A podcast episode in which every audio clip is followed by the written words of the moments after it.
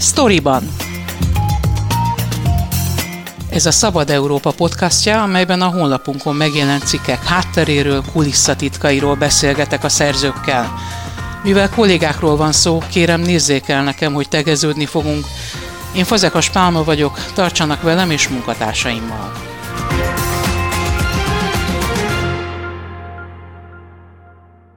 Kerényi Györgyel beszélgetek, aki egy 13 részes podcast sorozatot készít a Szabad Európának, Élet a NER-ben címmel. Miről szól majd ez a sorozat? Szerbusz Gyuri! Hello!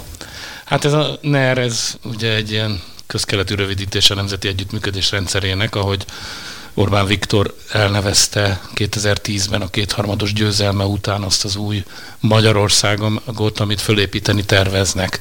Egyébként a sorozat főcímébe ebből a parlamenti beszédéből be is vágtam részleteket. És hát az biztos, hogy bárhol állunk is mondjuk a politikai palettán, azt érezzük, hogy nagyon más rendszer ez, mint amiben korábban éltünk. És most már több mint tíz év eltelt, és úgy gondoltam, hogy, hogy számot lehet vetni politikai felhangok és politikai kommunikáció nélkül megmutatni azokat a mélyáramokat, azokat a folyamatokat, azokat az érdemi változásokat, amelyek Magyarországon történtek.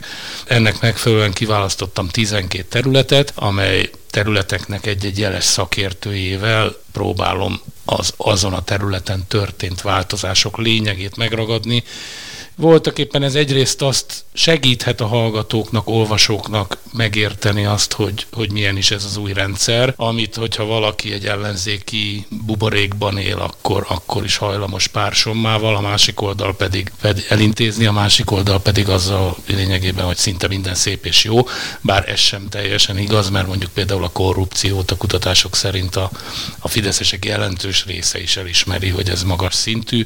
De ezeket megpróbáljuk kihagyni, és erre én is képviselem, megpróbálom magam egy olyan újságírói szerepbe helyezni, ami egyébként hát mindkettőnknek, akik eleget dolgoztunk közszolgálatban, nem szokatlan, az, hogy a hiányzó felet képviseljük, abban az esetben, hogyha azt a felet valamilyen minősítés éri.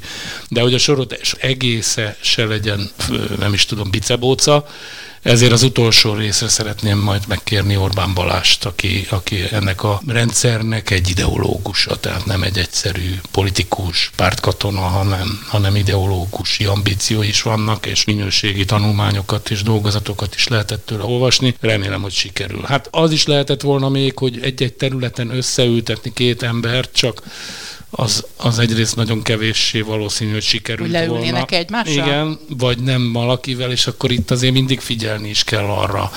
Csináltunk már sok ilyet, igen, hogy igen. nagyjából azonos, úgymond szinten lévő emberek beszélgessenek, ha az nem jön. Szóval, hogy azt nagyon nehéz lett volna összeszervezni. Azt mondod, hogy megkerestél adott területek, és majd ezt elemezzük, hogy milyen területekről van szó szakértőit, de hogy szerinted eltelt annyi idő, hogy erre ráláthassunk, hiszen annyira benne vagyunk még ebben az egészben. Igen, ebben egyrészt maximálisan igazad van, de talán ez a sorozat is, tehát ezek tudósok, túlnyomó részt, szakértők, akik, akik elemzéseket, vizsgálatokat, kutatásokat folytatnak. Egyébként az egésznek az ötlete onnan támad bennem, hogy, hogy az első rész szereplője Kovács Imre, szociológus, most megjelentetett pár hónapja a Társadalomtudományi Kutatóközpont két vaskos kötetet, ami a magyar társadalom integráltságáról szól, egy teljesen új módszertannal nézik, ugye még az még azt szerint mindenkinek van ilyen emléke, aki nem is konyít sokat a szociológiához, hogy hát úgy szoktuk a társadalmat felosztani, hogy munkás, értelmiségi,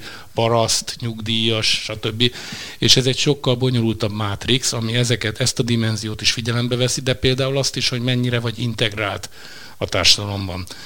Mennyire van az integráltságot például azon is mérik, hogy mennyi kötődésed van, mennyi kapcsolatod van magánemberként, kis közösségben.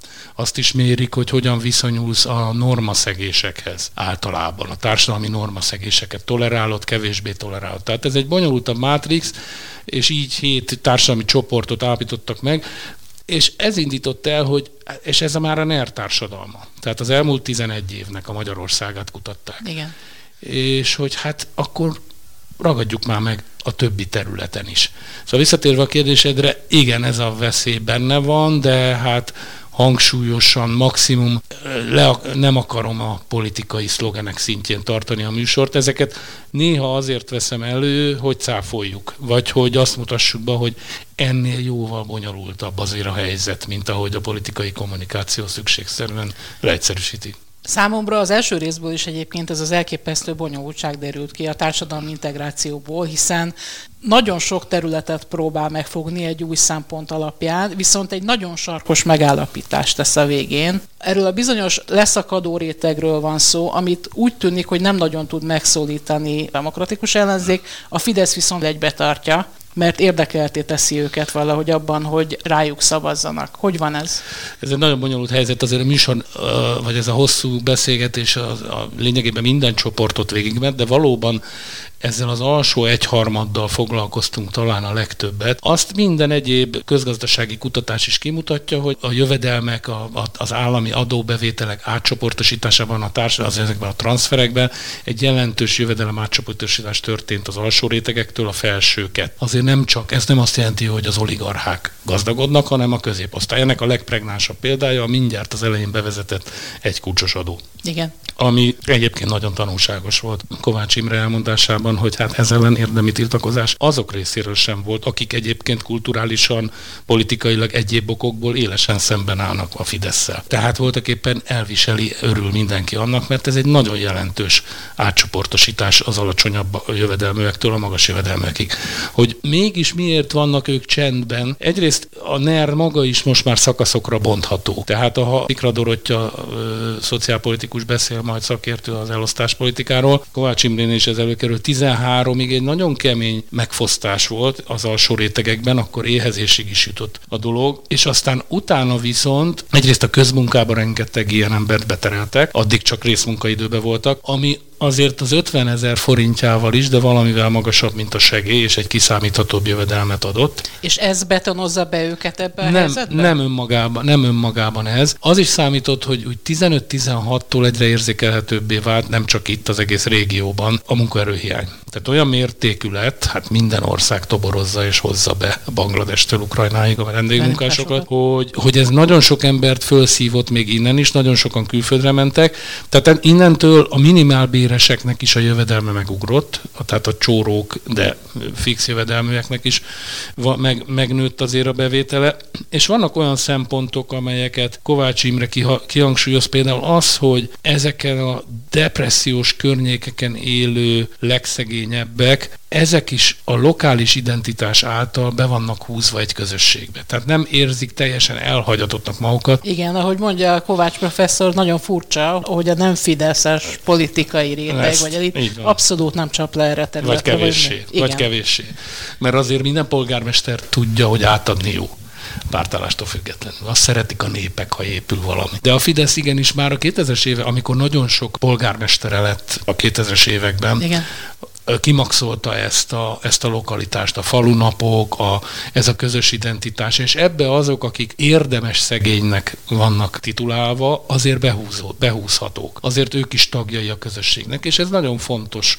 Pontosan erre is jó Kovács Imrének a módszere, hogy, hogy nem csak jövedelmet néz, vagy, mert ez alapján is érezzük komfortosnak, vagy diszkomfortnak magunkat egy közösségben. Nem csak az alapján, hogy, hogy mennyire vagyunk megfosztva a javaktól. Milyen területek lesznek még? Mit hallunk majd? A nők helyzete a NER-ben Magyarországon, ez Pető Andrea van beszélgetek, aki a CEU gender tanszékének professzora. Következő rész Szikra Dorottya az elosztáspolitika. Most fogom fölvenni nem sokára Csaba Lászlóval a magyar gazdaság elmúlt 10-11 éve, vagy a NER gazdaság politikája. Lesz a NER egyik nagyon fontos kötőanyagáról, és nekem egyébként is kedvenc témámról, a, a magyarság tudat nacionalizmus kérdésköréről. Tehát, hogy, hogy mi az az ideológiai kötőanyag, ami, ami összetartja a, az embereket, és hát ezt mindannyian tudjuk, hogy Orbán Viktor Igen. talán leggyakoribb még a Sorosnál is többször mondott szókapcsolata a mi magyarok. Lesz szó roma ügyről külön, lesz szó az állam, mint szervezet, a közigazgatás, a regionalitás. Ez egy kevéssé hangsúlyozott, de valójában nagyon fontos része egy, köz, egy nemzet vagy egy ország életének. Hogy kiadjak, hát biztos kiadjak egy csomó mindent. Környezet, zöld gondolat, környezet és természetvédelem. Lesz egy olyan, amelyik a mondjuk így kicsit olyan rossz újságíró topikkal a Magyarország helye a nagyvilágban címet viseli. Akarnék egy olyat, amelynek az ellenállás melankóliája címet adtam, amiben ezt járnám körbe majd. Egészen szakpolitikai szintre nem akartam lemenni, tehát külön egészségpolitika, külön oktatás, miközben ezek roppant fontosak, csak hát egyrészt véges a műsor, másrészt meg... Meg azt gondolom, hogy olyan területekről választani, hogy mindegyik egy picit belekóstol ezekben. Tehát mondjuk az, hogy a társadalmi mobilitásnak a csatornái, amelynek évszázadok óta a legfontosabb eszköze az oktatás, az állami Igen. oktatási rendszer, ilyen élesen becsukódtak az elmúlt tíz évben. Ez, ez előkerült már Kovács Imrénél, és elő fog még sok helyen kerülni. Tehát az alsó osztályoknak a felemelkedési lehetősége az még inkább csökkent, pedig egyébként is nagyon zárt volt ebből a Igen, ezt ki is mondja Kovács Imre, hogy hibernálja gyakorlatilag abban Igen. az állapotban, és nincs egy esély kiegyenlítődés Igen. az oktatás szintjén sem. Mi volt a legmegdöbbentőbb megállapítást eh, Kovács Imréjéknek számodra? Hát nem tudom, nekem az egész interjúnak a komplexitása nagyon-nagyon megragadó volt. Hát egyrészt ez a gondolat, hogy, hogy milyen módokon integrál különböző rétegeket, még olyanokat is, amelyek politikailag nem odavoksolnak. Tehát az nagyon fontos, azt hiszem igen, amire, amire a Fidesz egyébként nagyon büszke, és mi újságolvasós, hivatalból újságolvasók tudjuk azt is, hogy hogy ezt külföldön is nagyon értékelik, és a nagy cégek is nagyon értékelik a stabilitás. Tehát, hogy nagyon nagy stabilitást tud teremteni, vagy ennek az érzetét tudja Kell. kelteni.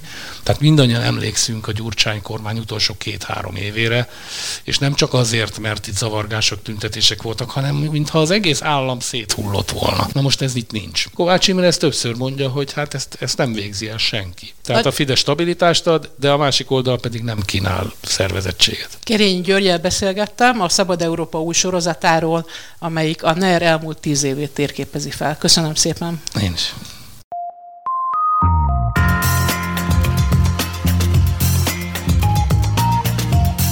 Ez volt a Storyban, a Szabad Európa podcastja, a honlapunkon megjelent cikkek hátteréről, kulisszatitkairól. Én Fazekas Pálma vagyok, köszönöm figyelmüket munkatársaim nevében is.